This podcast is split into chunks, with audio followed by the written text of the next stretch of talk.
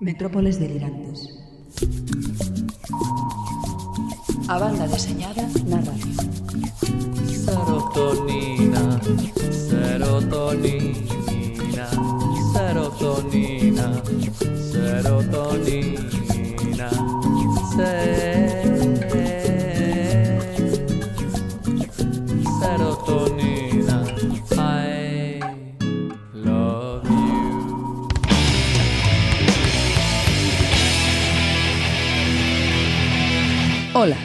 son Nieve Rodríguez e aquí comeza a 86ª emisión das Metrópoles Delirantes. Abrimos programa, como sempre, coas novas da BD a todo Filispín.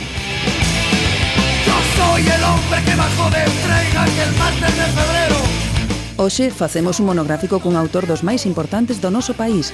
Embarcamos a David Rubín, que vende publicar con Astiberri a nova versión de Cuaderno de Tormentas. Falamos da BD, da vida, da morriña e, como non, do que está a pasar no mundo, é dicir, do divino e do humano. Soy el que quiere volver, donde empecé y no puedo.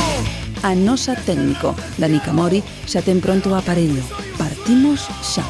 Chau, chau, viene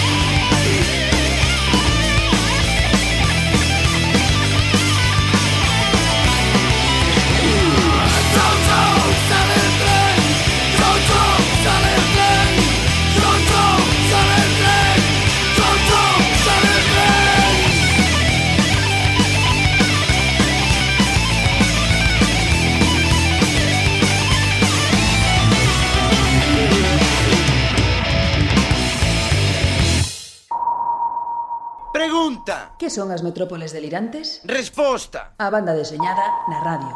Ola, señor B. Ola. Que tal como foi neste último mes? Mm, dichoso. Sí, é que como xa non nos vemos tanto co tío, pois estou interesada en saber que da, da súa vida. Que fixo? Fixen o mal. Pois lin, lin BD, lin libros que non son de BD. Bueno eh, fun ao teatro, mm. eh, cosas de culturetas. bueno, mm, deixoume abraiada con dúas cousas. Vostede lee algo máis que non se sabe de... Ben, sí, estuve ben. lendo a Bodrillar. Brodillar. Bo, bro, que? Eh? Bodrillar. Ah, e bueno, eso... Non sei se se di así porque é francés. Jean Bodrillar. Sí, seguramente que sí. Non coñezo ese, ese señor. Bueno, é un señor moi interesante, sí, moi denso. Que fala de lo divino e lo humano, como Rubín. bueno, a Rubín escoitarémolo despois. Fala, eh... é un filósofo francés. Ajá. Era un filósofo francés. Bueno, moi ben, perfecto. E o teatro que foi verlo? Bueno, filósofo ou sociólogo ou, ou, ou ambas cousas, non? Que ao final están moi relacionadas. Fun ver Divinas Palabras Revolution, Ah, a última produción do Centro Dramático Galego. Sí, porque eu lin nos cartaces Revolution e eu xa fun como un tolo. Ah, Ajá, você, vostede pensou que era sí. que, que era para contestar ou para claro, protestar por algo. Claro, cun fouciño e cun, e cunha rama do, do oliva ah, no, noutra man. Logo cheguei ali había que sentarse. Ah, tal, sí, amigo, e había que atender Seria, sí. E había que atender tamén. Sí. Bueno, e atendeu vostede? Atendín. Sí, e que tal? Ben, ¿Hm? ben, é unha obra interesante, unha lectura distinta vamos a decir. Do texto de Valle Inclán, Do no? texto de Valle Inclán, eh, arriscada, unha proposta moi arriscada. Eh, os Chévere trouxeron o presente toda esa obra esperpéntica de Valle Inclán, eh, mesturárono con eso que está tan de moda de, da pulsión escópica, de, de las cámaras, da televisión, de, da vida en directo, do espectáculo do real que se chama, non? Hai un subtexto moi interesante nesa obra eh, de crítica social e de o que somos como sociedade, está ben? Uh -huh. Vostede recomenda, non, ir ao teatro a ver? Eu recomendo ir ao teatro sempre, recomendo a cultura sempre. Eu creo que é unha obra interesante, é unha obra dura, vamos a decir, o, o calquera que coñeza o texto de Valle Inclán sabe que é unha obra dura e, neste caso pois eh, non esconden a parte máis dura eso é unha proposta, unha lectura moi interesante traída ao presente e que, e que trascende un pouco non eh, que co texto de Valle Inclán utilizan ese texto para darlle unha voltiña e criticar un pouco a sociedade moderna e o que o que está pasando. Uh -huh. Bueno, pois acudan ao teatro que, que está aí en carteleira eh, de plena actualidade tamén, porque, como decimos sempre, muda todo, señor B, para, para que non mude nada, non? Estamos... Bueno, eso, eso é solo nos másters. Ou, no, ou, ou Ui, xa, ou, que ben fiou é, que ben fiou é, señor B. Ou mellor dito, nos máster. Nos máster, sí. eh? Vostede non ten pensado ir a Rei Juan Carlos a sacar un máster ou iso no, solamente min, é por ricos? Un, solo é por ricos. E dous, a min realmente o que máis me interesa ou o que, o que creo que me apetece máis é ir a, a Aranjuez a sacar un máster de Harvard. Que eso sí que me parece maravilloso. Creo que Berlanga podería facer outra triloxía da escopeta nacional solo con ese, con ese detalle, non? De organizamos un máster que en Harvard son dous anos, aquí en catro días, en vez de en Harvard en Estados Unidos, pues en, en Aranjuez. Necesitamos máis viene siendo- Berlangas. o sea, Aranjuez viene siendo el Harvard de España. non sigamos por aí, señor B, senón non deixamos tempo para as novas de, da BD. Pero ten vostede razón, eh? Berlanga podería facer aquí películas, pero a tutiplén co que está a pasar. Estás, eh, estás, estás poñendo a cousa... Wow. wow. Esperpéntica. Esperpéntica de sí. todo. Señor Vallinclán, señor Berlanga, mm. veñan a nós.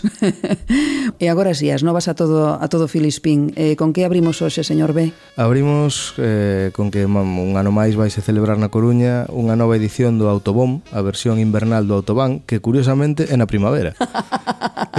que esperpento! Sí, un pouco. Eh, os toliños da autoedición e do cómic de autor teñen unha cita o sábado 21 de abril na nave 1830 39 na estación de tren da Coruña, ás 5 da tarde. Ainda estades a tempo de enviar as vosas propostas artísticas para participar no mercadiño, eh, facedeo neste mail autoban.bd.gmail.com eh, Desta volta a imaxe do cartace de Xulia Pisón e o deseño de Madame Moustache. Ah, oh, Madame Moustache. Pois nada, animade vos. Todo en francés sona millor, verdad? Ai, de verdade que sí, eh. ata até eh, le chocolat O sí. bueno, pois pues aí queda esa recomendación para esta fin de semana na Coruña, movidote nel parrote. Siga vostede, señor B. Recomendamos agora unha exposición dun dos debuxantes máis excelsos que temos no país. Falamos de Miguel Robledo, que desde o 14 de abril e ata o 10 de maio terá exposta no Parque Náutico de Castrelo de Miño unha serie de ilustracións que, se, eh, segundo as súas propias verbas, vai facendo nos ratos libres, con esa humildade que o caracteriza, non? Que parece... sí, que non, non fai nada. Sí, parece que eso non ten traballo. Sí, porque nós estamos dicindo nos seus ratos libres e vostedes nas súas casas pensarán, bah, pero que fixo este nos seus ratos libres? Catro aí, catro rayas? No, no, no, no. Vayan ver, eh? Isto mm. é flipante. Siga, señor B. Con esta actividade temos unha doble oportunidade, a de gozar do traballo de Robledo e a de achegarnos a un espacio expositivo de grande interese paisaxístico. Lembrade, tedes hasta o 10 de maio para chegarvos ao Parque Náutico de Castrelo do Miño. Moi ben, eh, estamos aí pasando a resaca do Saló de Cómic de Barcelona, eh, que, que parece que non se falou nada, pero sí que deu de sí. Sí, podemos repasar os galardonados desta edición que desta volta o Gran Premio do Salón recaeu na autora Laura Pérez Bernetti pola súa trayectoria no ido da BD que comenzaba alá polos anos 80 e tamén foron premiados Pinturas de Guerra de Ángel de la Calle co premio a mellor obra, obra de autor español, El arte de Charlie Chan Hoik Chie, unha historia de Singapur, unha historia de Singapur de Sonny Lieb como mellor obra estranxeira Ana Peñas eh, recibiu o galardón Autora Revelación, Premio Fundación Divina Pastora, na mentres que Los Diletantes foi elexido como mellor fanzine unha mágoa que non premiaran nin a Begoña García Len nin Altar Mutante, que eran sí, os, que estaban nosos, nomeados, os eh? nosos representantes Aí galegos. Aí estaban, sí, pero bueno, chegaron ata aí que tamén é cousa boa. Bueno, me parece que desta volta ninguén protestou polos premios, ninguén dixo nada, nin ninguén dixo que non había presenza femenina, está moi ben. Vamos, para mí está moi ben. Home, presencia femenina eu creo que hai. Sí, sí, pero noutros anos, señor B, que se protestou, bueno, que se dixo, pero, deste ano non. Pero que porque neste ano había, entón non se protestou. Claro, claro, claro. Bueno, eh, ¿No? lo evidente non se pode demostrar. Exactamente. Claro. Se Qué tontería. Se metes máis mulleres, por que vamos a protestar porque Que non hai tontería. mulleres? Que to pero bueno, que, que son merecidos, é decir, que son premios ben dados. Eu creo que sí. pois aí está, agora únicamente poñer o reloxo esa conta atrás de cara ao ano que ven para outro saló do cómic en Barcelona. A ver desa volta se o vexo por ali ou se podemos ir, señor B. A ver se o saco do seu, do seu currunchiño. Eh, vai, vai estar com, complexo. Mm, no, no, no, no, xa está protestando. Cachis, no, no, non estou protestando. Eu, eu iría encantado, que ademais non coñezo a cidade, e gustaríame, pero son realista. Que máis nos conta? Hai unha nova que nos deixou a todas así como un pouco pling... Sí, que... unha nova que se anunciou ademais no Salón o grupo editorial Penguin Random House un dos conglomerados eh, perdón, editoriais máis importantes do mundo vende anunciar o regreso da mítica editorial Bruguera. A partir de setembro deste 2018 retomará a súa actividade coa intención de compaxinar a reedición de obras emblemáticas con oportunidades que lles darán a novas voces. Dentro deste relanzamento inclúese tamén a creación do Premio Bruguera de Cómic e Novela Gráfica dotado con 12.000 euros e que será en 2019 eh, cando se celebra a súa primeira edición. Caramba, 12.000 pavazos, eh, señor B. Bueno, home, facer un facer un cómic, botar un ano traballando, Opa. uns anos traballando para facer un cómic, pois pues, hai tamén, que Tamén, tamén, sí, sí. Sí, sí. Bueno. O mellor o raro son esos premios que teñen 300 euros de, non? que pretenden que fagas unha novela gráfica de, de 100 páxinas e que danche 300 euros e xa está. En este igual, oficio igual, tamén hai... Claro. Sí, señor, neste oficio tamén hai. Bueno, e xa para rematar, eh, señor B. Eh, xa está convocada a 12ª edición do Premio Internacional de Novela Gráfica FNAC Salamanda Graphic, un premio que se convoca para promover e incentivar a produción literaria no ámbito do cómic, o prazo de admisión de obras quedará pechado o venres 7 de setembro deste mesmo ano 2018. A modalidade a presentar no, no concurso é de o cómic no seu formato de novela gráfica e cada autor terá que enviar unha proposta do libro cun mínimo de 32 páxinas rematadas por unha soa cara cunha extensión final para quen resulte gañador que será de 96 páxinas. Poderá ser presentado en branco e negro ou a cor e as bases podense consultar na ligazón cultura.fnac.es pois aí queda outro premio xa afianzado convocado un ano máis. Eh, señor B, algo máis que engadir? Non. Non? Non.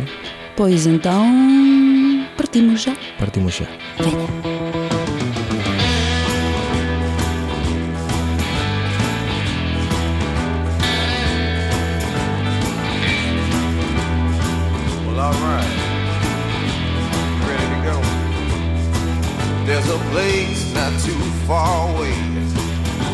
House where we can stay. The ocean is our view. If you're down, I want you to come too. On the road, you and I. In my car, I want you inside. Where we going, it don't matter. I just want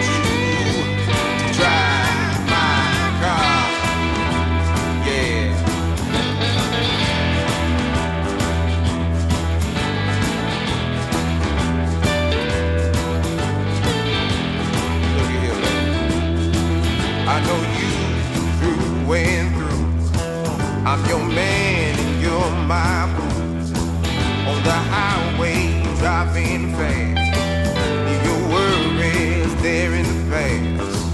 On the road, you and I. My car, I want you inside.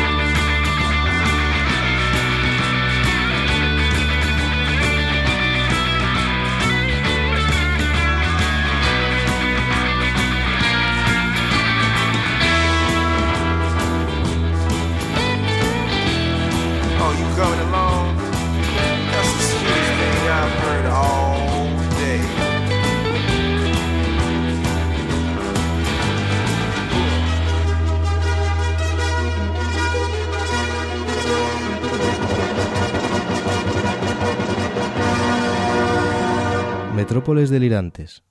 A banda deseñada na radio.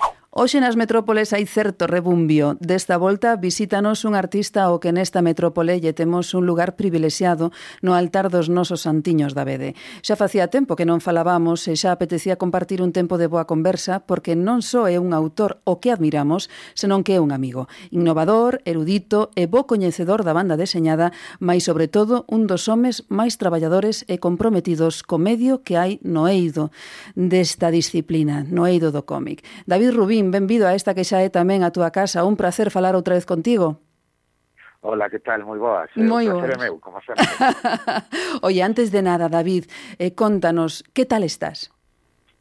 Eu nada, moi ben, moi ben. Tiven un sustiño aí a última vez que estive en Compostela, pero pero xa xa me recuperei, aprendín o que é ser ser humano e agora pois xa vou a velocidade de ser humano normal en vez de como iba antes, como, mm. como unha bestia parda. Bueno, mm, o está ben recoñecer ese, ese tipo de, de condición de ser humano, pero a ver se non volves outra vez a, a levarte os altares eh, e, a, e a imprimir un ritmo demoníaco agardo que non, bueno, agardo alo menos seguir con máis calmiña a, a todos os niveis, porque a verdad a veces hai que hai que saber pisar o freo para logo poder acelerar. Eso tamén é certo. Bueno, que saibas que estamos agardando en Compostela a que veñas outra vez de novo, que eu o meu libro indo teño sen asinar, eh? así que Vaya, home, pois pues nada, tentei facelo que eu sempre estou encantado de ir pola tarriña.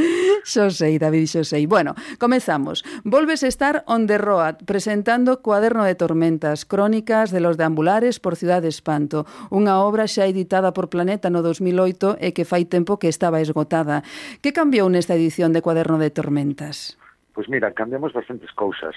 Por un lado, eh, claro, enfrentarme de novo a unha obra que fixe dez anos atrás pois xa só vexo os errores, non? E cousas así. Entón, o que o que fixen foi pulila no máis posible. Por, por un lado, non quería tocar e non toquei o debuxo, porque considero que eso sería un pouco ser deshonesto comigo mesmo e, e tamén cos lectores, non? O, o debuxo, igual que o argumento, marcan marcan os puntos no mapa un pouquiño, non, de, da, sí. da, da nosa trayectoria. Entón nese, nese sentido non quería non quería varialo. O que si sí, eh, toquei bastante foi o tema da cor, volvín a, a recolorealo para justamente grazas a a esos as novas cores, pois volver a ver estas páxinas con, con novos ollos, con ollos de agora, eh, volverme a sentir eu como artista identificado con elas, o 100%, e agardo pois que tamén os, os, os lectores. Logo, pois tamén eh, houbo corrección de estilo de textos, houbo nova rotulación, hai unha nova portada e hai pois, pues, 20 e pico páxinas de, de extras en donde explico un pouco os pormenores da obra e achego tamén pois eh, un, unha, unha serie de curiosidades, como por exemplo unha, unha delas que foi o, o xerme da obra, non que era un era, era unha especie de, de viñetiñas que eu facía para unha para unha web dunha promotora musical galega eh, fai, fai un porrón de anos entón recuperei algunhas delas as que as que vin atopado porque uf, eso xa ten máis anos que xa non sabía nin onde tío, tiña os arquivos. Fixe eh, eh, e acheguíme libro de novo ademais por dúas cousas non unha por, por, por ese dato de curiosidade que lle dá de que o lector poda interactuar con elas e, e eh, tamén co libro, non? E ver de onde saíron cada, cada parte do libro, non? Cada, como foi o seu xermen, o que cambiei dos orixes, o que mantiven e todo eso. E logo, por outro lado, porque o idioma nas que o escribín originalmente era, era galego e como pois por desgraza, ninguén parece que me quere publicar en galego, pois entón, a lo menos, inda que sexan un recunchiño dun libro editado en castelán, pois meto, meto algunhas cousiñas escritas en galego.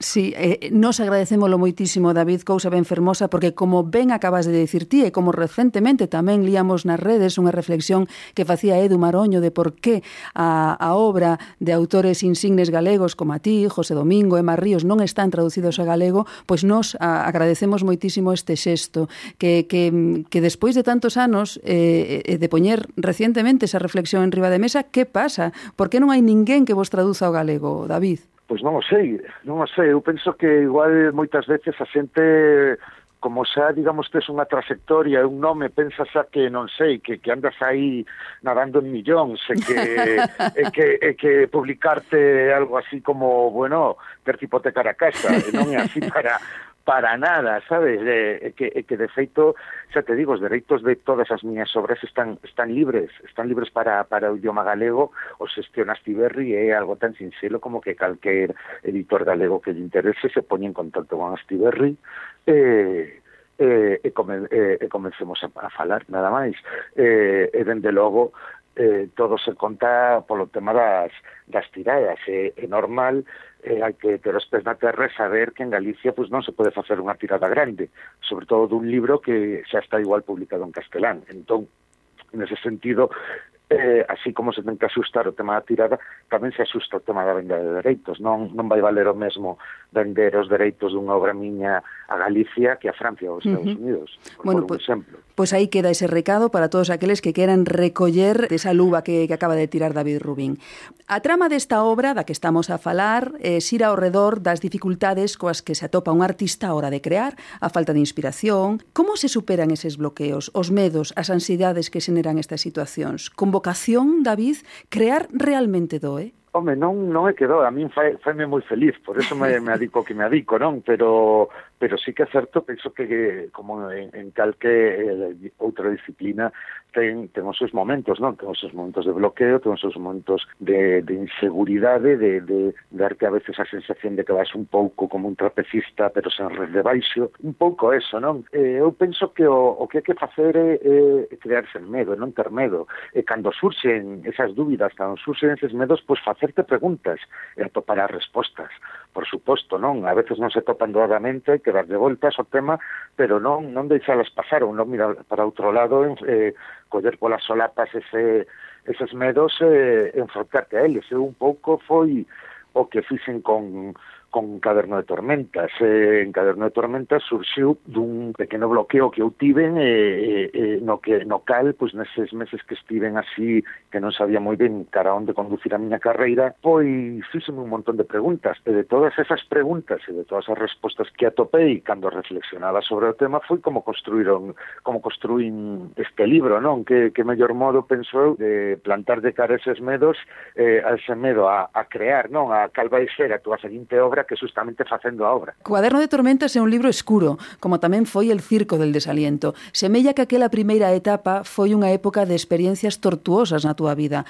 Os conflictos, as frustracións son para ti gasolina creativa? Sí, sempre, un pouco eu adoito decir que, que consigo consigo sacar traballo da miña propia merda, non? Moitas veces. Non sei, eu penso de daquelas cando fixen estes libros que comentas, pois eu te, tiña 20 e pico anos, e tamén ves o mundo de outra maneira, non? preocuparte outras cousas, pois naquel momento eh, cousas que para ti son un mundo e que agora igual me dá un pouco máis a risa. E logo tamén había outro problema eh, daquela, problema ou virtude, depende como se, se mire, que é que todavía estábamos todos un pouco en Matrix, non? Ainda creíamos que todas esas cousas que nos dixeran de nenos, de que se estudiabas moito ibas ter un bo futuro, oh, de que oh, se non sí. sei que, de que eh, vivíamos nunha democracia e todo eso que era verdade, non? Entón, pois, pois te preocupaban outras cousas máis máis mundanas, máis de, de ti mesmo, máis de, máis de corto recorrido, non? Como pode ser que te dixe unha, unha moza e todo o que te trae eso consigo, e con eso facer un libro.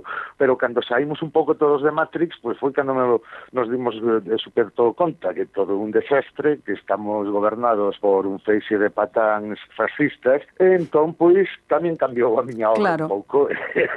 así, así un pouco é como é o tema. Uh -huh. eu, eu penso que un pouco de, de Caderno de Tormentas para atrás considero que son un pouco máis obras de, de xuventude, non? Obras nas que eu, eu comenzaba aí a, a, a tantear un pouco todo o terreo a partir do que eu coñecía daquela, non? Que eran, pois, as miñas eh, experiencias, as que podía ter un, un rapa de 20 pico anos.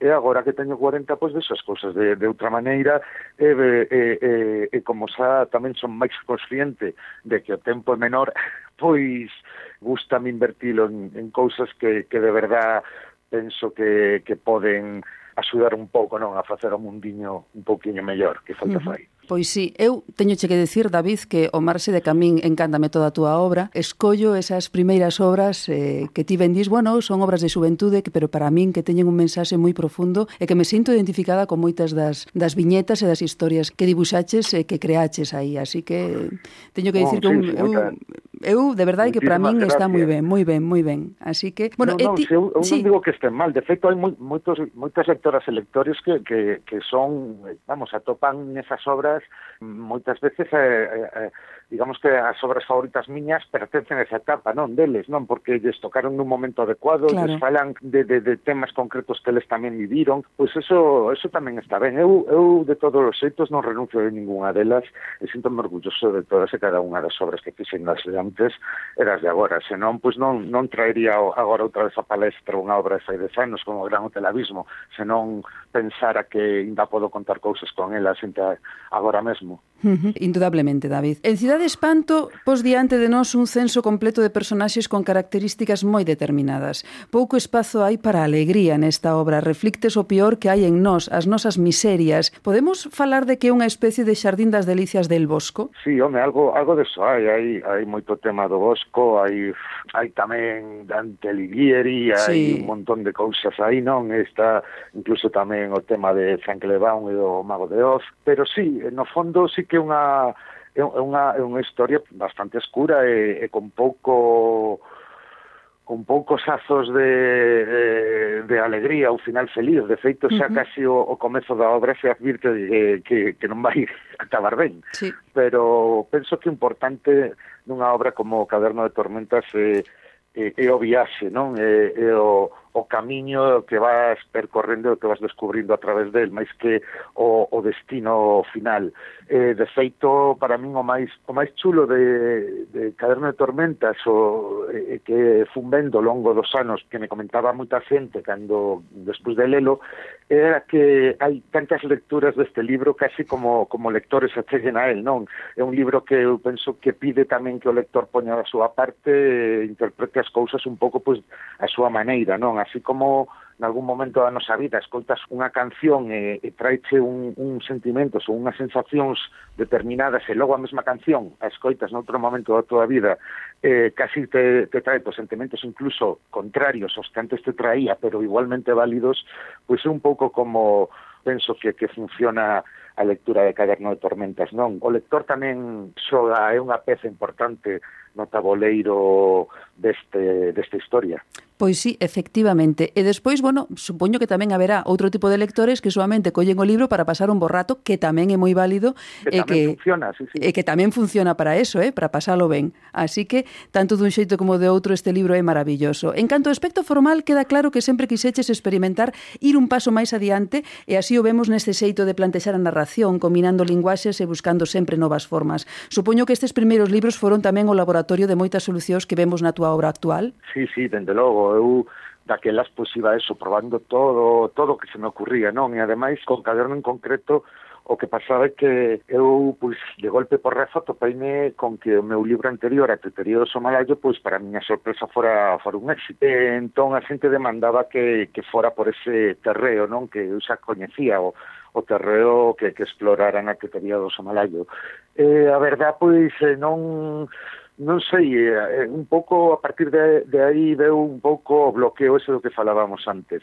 Eh, eu de repente eh, topeime pois entre espada na parede, non? Eh, a parede, ter, ter que que decidir que facer como un traballo, non? Agora que había expectación sobre el é algo que nunca hasta, hasta ese momento tivera. Que facía? Pois pues tirar para adiante por ese camiño marcado que a xente estaba demandando ou coller e facer outra cousa. Uh -huh. Entón, pois, pues, justamente decidín facer un libro pois, pues, como caderno, que era o que ninguén agardaba que fixera despois dun libro como a tetería, ni ninguén estaba preparado para, para que soltara algo así. O igual que despois de caderno, ninguén agardaba que fixera algo como herói, non? Pois un pouco vai por aí a cousa. Uh -huh. Aí, bueno, hai moitas cousas que me chaman poderosamente a atención, pero unha delas é o tono que empregas no narrador.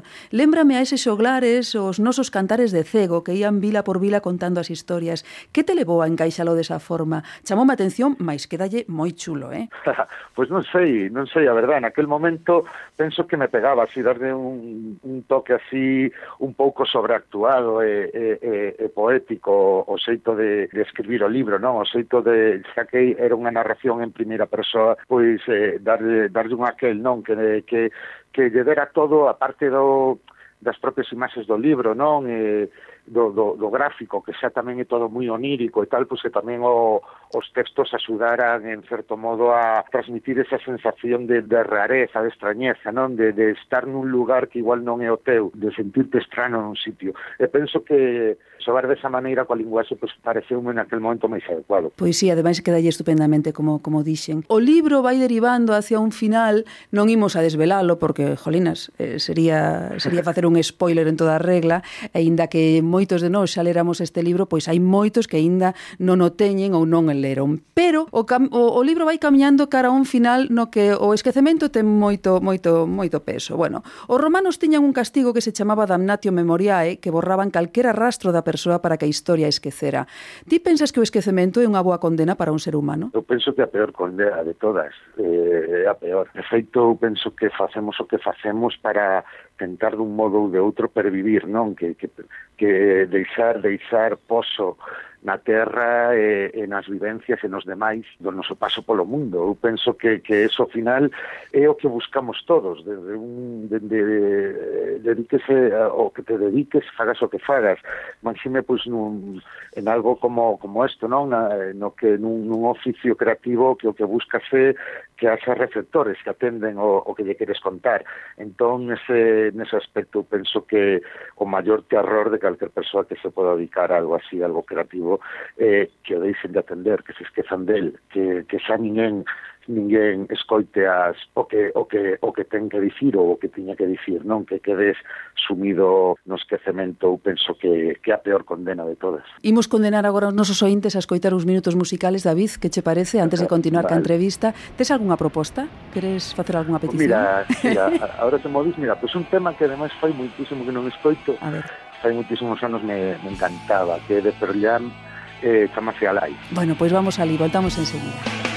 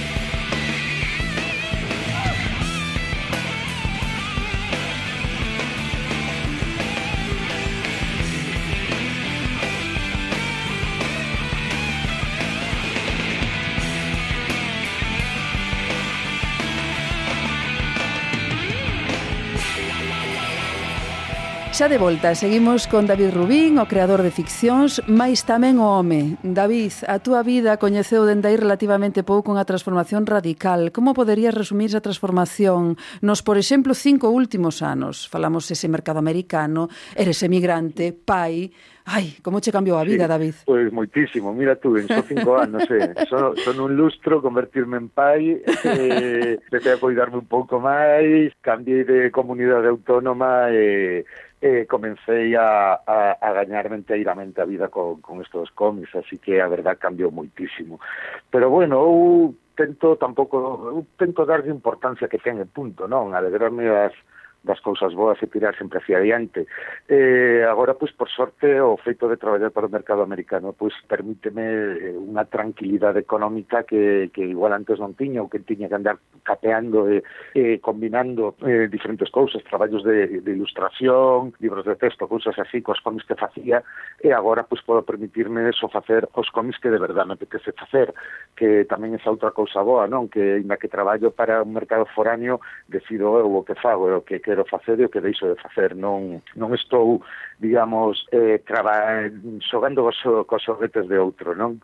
Non sei se me explico. Sí, sí, pero eh, a miña pregunta é, de outro xeito seguirías traballando para o mercado norteamericano se foran outras as condicións? Pois pues non o sei, porque eso aí xa, xa entramos no, no, no terreo da hipótese, entón non teño ni idea, eso significaría eh, habería que miralo por, por moitas ópticas, non? Porque dependería de moitísimas cousas, non sei, pois habería que porse en, en outra situación, non? O mellor, pois, se non me quedara outra e tivera que coller o que fose para tirar económicamente, pois pues, posiblemente debusaría o que me ofreceran en punto, pero por sorte pois podo elegir eh, entón pois prefiro facer o que quero para min, estar na, na primeira división do cómic non é de usar Spider-Man en Marvel ou de usar un Batman en DC. Para mí, estar na primeira división do cómic é eh, facer o que te apetece de verdad, facer os tebeos nos que ti crees de verdad, e ainda por riba poder poder vivir deles tranquilamente con honradez, non? Pois pues, uh -huh. eso xa o teño, así que non mentres a cousa siga así non teño por sorte que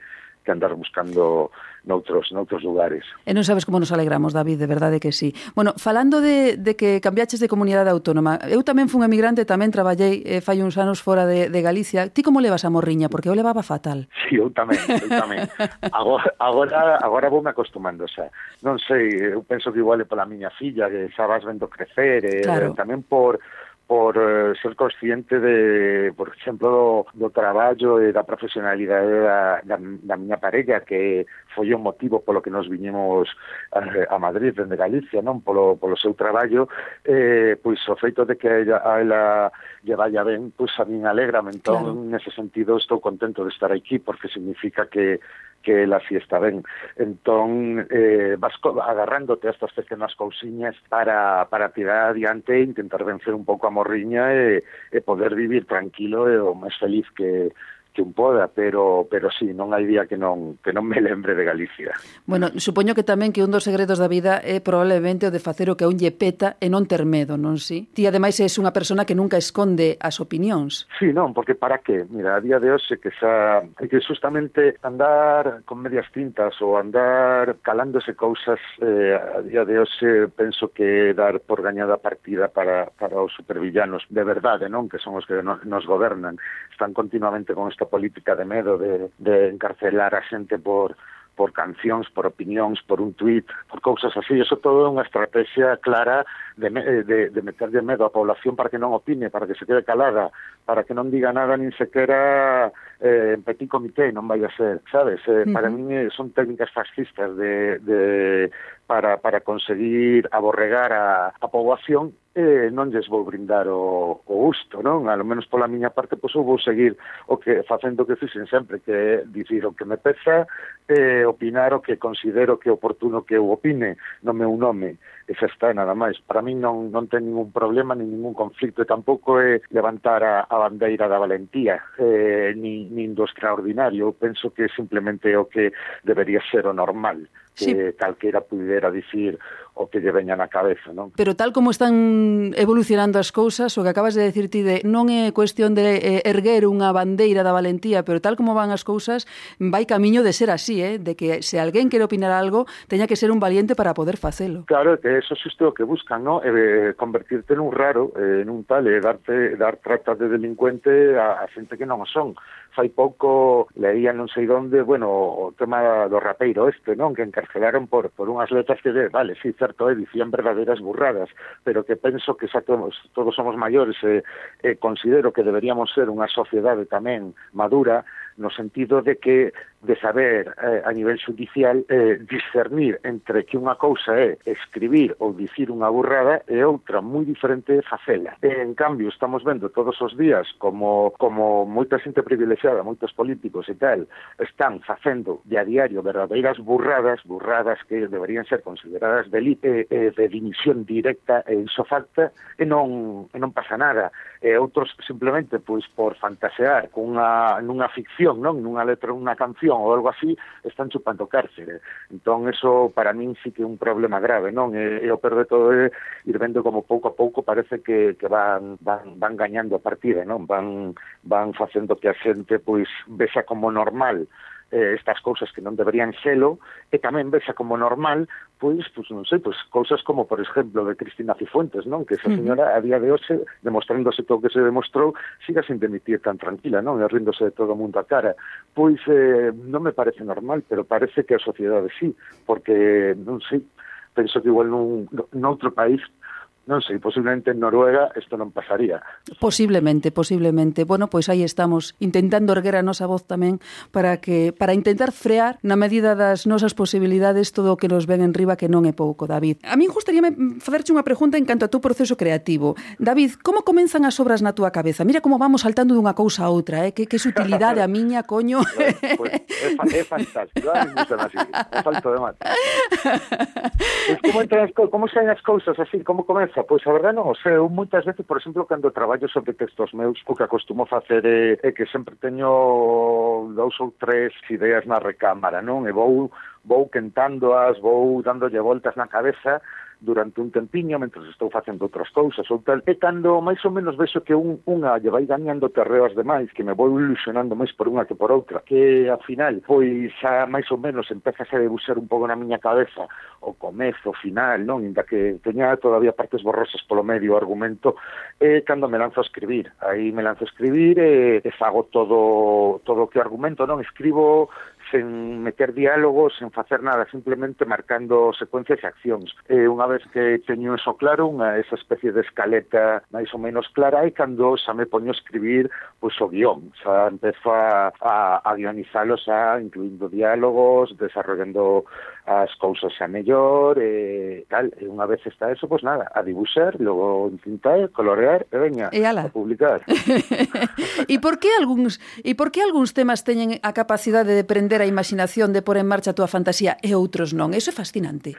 Pois eso sí que non o sei. Eso sí que no, eso é a magia, a magia desta deste inventín. Claro. Eu penso que eso é que nos fai eh, seguir ilusionados e eh, eh, eh, seguir tirando para adiante, sacando historias adiante, ¿no? E facendo tamén que, que, que a xente con o noso traballo pois imagine e, eh, e, eh, e, eh, e lle dé a cabeza tamén. Eu penso que, que ese non saber de onde veñen as cousas, ese sorprenderte porque un día te despertas con unha idea na cabeza e, e que cando te das conta construites un libro eh, de 100 pico temas a, a, a partir dela. Pois eso é, eso é a máxia o que fai que estés continuamente ilusionado e que te que sigas ilusionando para seguir sacando cousas adiante. Uh -huh. Bueno, temos que ir rematando, pero eu quero eu quero comentar contigo eh, Estados Unidos. É dicir, estás traballando agora con Jeff Lemire. Como é traballar o carón de un dos guionistas máis interesantes agora mesmo no mercado norteamericano? Pois moi ben, a verdad que teño moita sorte alá, porque xa te digo, estou traballei con, con Jeff, estou traballando agora mesmo tamén con, de novo con Matt Cain na segunda parte de Éter, e, e con John Arcudi, que era un dos meus escritores da la preferidos, facendo Ramble. Entón, a verdade, pois, traballar con, con xente tan talentosa e, e a que admiras, pois está moi guai, e logo ainda por riba, se como é o caso, pois é xente llana, xente coa que podes falar tranquilamente, discutir as cousas, e, e sentirte de verdade traballando en equipo, que a min eso é algo que me gusta moito do, do mercado americano, o tema de traballar en equipo, non? Porque isto é, é unha profesión tan de corredor de fondo claro. que cando que moitas veces pois pues eso acabas baldao ou acabas coa sensación mentras estás traballando un libro de que estás aí só pam, pam, un día e outro. En cambio, co, o, traba, o traballar en equipo con, con tanta xente, con, con editor, co, co, co, co guionista, eh, en Rumble tamén teño colorista, non sei que, eh, eh, eh, tentar facer que toda a maquinaria funcione ben, non? E, e, e todos os engranaxes que cada un de nós somos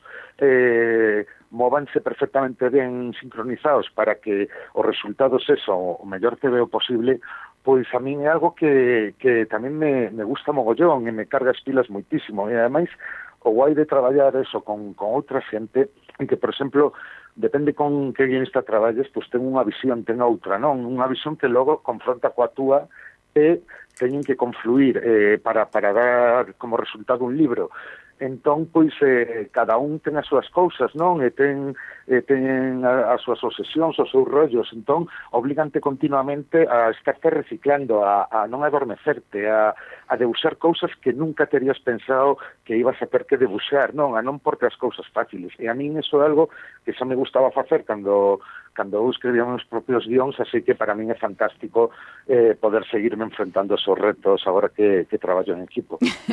David, escoitándote, mira, eu non teño nin puta idea de debuxar, debuxo fatal, non sei nin, nin facer un, un árbore, pero escoitándote falar, digo, eu me cago en dal, vou coller os lápices e vou me poñer a debuxar e a sentir o que sinte David. Realmente eres eres to, toda vitalidade. Eu sempre cho dixen, eh, David, tes que preparar unha masterclass e rulala por aí, por España pa diante, para darlle ánimos a toda esta xente inda que xa o faz a toda esta xente que está que está comenzando, porque esa faceta tampouco a vas deixar inda que traballes por o mercado norteamericano, non? Como tampouco vas deixar o de facer obra 100% túa. Non, non, para nada, de feito, bueno, no, nestes últimos cinco anos que falábamos antes, eh, saquei varios libros para o mercado español, non? Saquei Gran Hotel Abismo, directamente para, para o mercado español e agora tamén pues, Caderno de Tormentas, que é un libro que puiden eh, negociar directamente para fora, que igual a priori pues, sacaría máis, máis diñeiro, pero bueno, eu son máis de, de, de comer pouco e, e cagar mellor, sabes? Entón, pues, non, me, non me preocupa. Eh, eh, penso que o que teño que facer tamén é apostar polo meu mercado, máximo agora que grazas a traballar para un mercado como o estadounidense, pois eh, teño un digamos, unha repercusión que antes non tiña. E eso pode axudar ao meu mercado, pero non só vai axudarse se só fan traduccións do meu traballo, non, senón que teño tamén que crear obra propia para el. Estás eh, traballando como a todos os días, centrado na túa obra, pero dentro de nada marchas dentro dos días, marchas cara a Barcelona porque vais a celebrar a nova edición do Saló do cómic de Barcelona. Estás moi atarefado, moi liado, xa vin por aí que xa colgaches algunhas datas de, e algunhas horas de asinaturas, de, de masterclass incluso. Mm. Contanos. Sí, sí, a verdad teño bastante lío, bueno, estes días moitísimo, non? Para, para deixar cousas rematadas antes de irme para lá. E logo ali tamén a verdade é que non teño un minuto libre, de feito estou estes días tamén falando con amigos para vernos e tal, e ainda non sei nin como vou facer, porque a verdade teño todos os días a, a xenda tope de se non son firmas é unha entrevista, se non é unha entrevista é dar unha charla, se non é unha marcha unha masterclass, e senón non sei que. Entón, ao final, eh, xa non é como cando ibas ao, ao salón ao principio, non? Que botabas un par de firmas, o resto do tempo pasabas por aí tomando cervezas ou mirando exposicións e tal. Agora, a verdad, vou a traballar e eh, eso, non fago outra cousa máis que estar aí dando dando callo, pero bueno, é, é o que hai, a min tamén gustame, non? Gustame esta parte de, do traballo no que, que permite interactuar pois, coa xente que te lee, e con, e con outros autores e tal, que é algo pois, tamén moi guai que, que ten esta profesión, e que non sempre podes facer, non? Porque ao final casi sempre estás metido na cova aí, traballando sen, sen parar, sacando páxinas adiante. Uh -huh.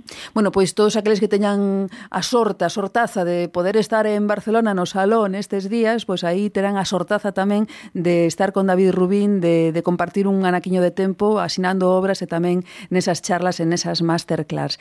Eh, xa para rematares, David, eh, a min gustaríame, porque ti eres unha persona, xo dicíamos antes, que apoia moitísimo a banda deseñada os novos creadores e os novos talentos. Entón, un amigo mutuo que é Quique Díaz está deixándonos alucinados coa súa evolución eh, de todo o que está poñendo nas redes últimamente. Non xa temos ganas de outra obra del, ti tamén tes ganas de, de ler algo algo sí, novo del? Moi, moitísimas, de feito, de feito algo me amosou aquí que xa un proxecto que está preparando e ten unha, unha pinta alucinante. Eu, dende logo, son o, o primeiro que quero estar aí para mercar o libro e, e desfrutar da súa lectura cando cando remate, cando saia, eh, agardo que sexa máis pronto de tarde. Eu penso que Quijote Díaz é eh, un, un dos, dos novos valores galegos pois eh, penso que con máis talento e eh, que ten as cousas ben claras eh, e a verdad pois ten, dende logo, todo, todo o meu apoio. Eu, de feito, ademais, el bótame bastante, eh, bótame unha man no meu traballo para o mercado americano, facéndome as separacións da cor e cousas así, porque justamente vin, cando lin o, a, a súa primeira obra, esta que se ambientaba en Ribadeo. Uh -huh. Nordés. Aí... Que, sí, Nordés. Nordés. Justo. Sabín aí, sabes, o, xa, sabín que de aí podía sair un gran autor. E agardo, pois, eso, pois que co, coa pequena axuda que eu lle poda dar, pois, eh, cando colaboramos xuntos e vendo tamén como vai evolucionando a, a pasos de xigante, pois agardo que, que, que máis pronto que tarde eh, esa, esa semente eh, maravillosa que é Quique termine xa por agromar e sacar adiante toda, todo o seu talento que todo o mundo poda ver. Pois eh, sempre o decimos, David Rubín é unha persona a nivel profesional maravillosa, excepcional, pero tamén temos que dicir que é un home bo e xeneroso como poucos. David, moitísimas gracias por atendernos e moitas grazas por todo o que faz. O que faz para facernos disfrutar e o que faz polo resto dos compañeiros e da profesión. Nada, grazas a vos por invitarme outra vez a vosa casa. Vémonos e que vaya todo moi ben e coídatenos moito, eh, David? Aí estou, non, non me preocupes, non morro desta. Ei, non, non, diga, fu, fu, fu. grazas, David. Metrópoles delirantes a banda deseñada na radio.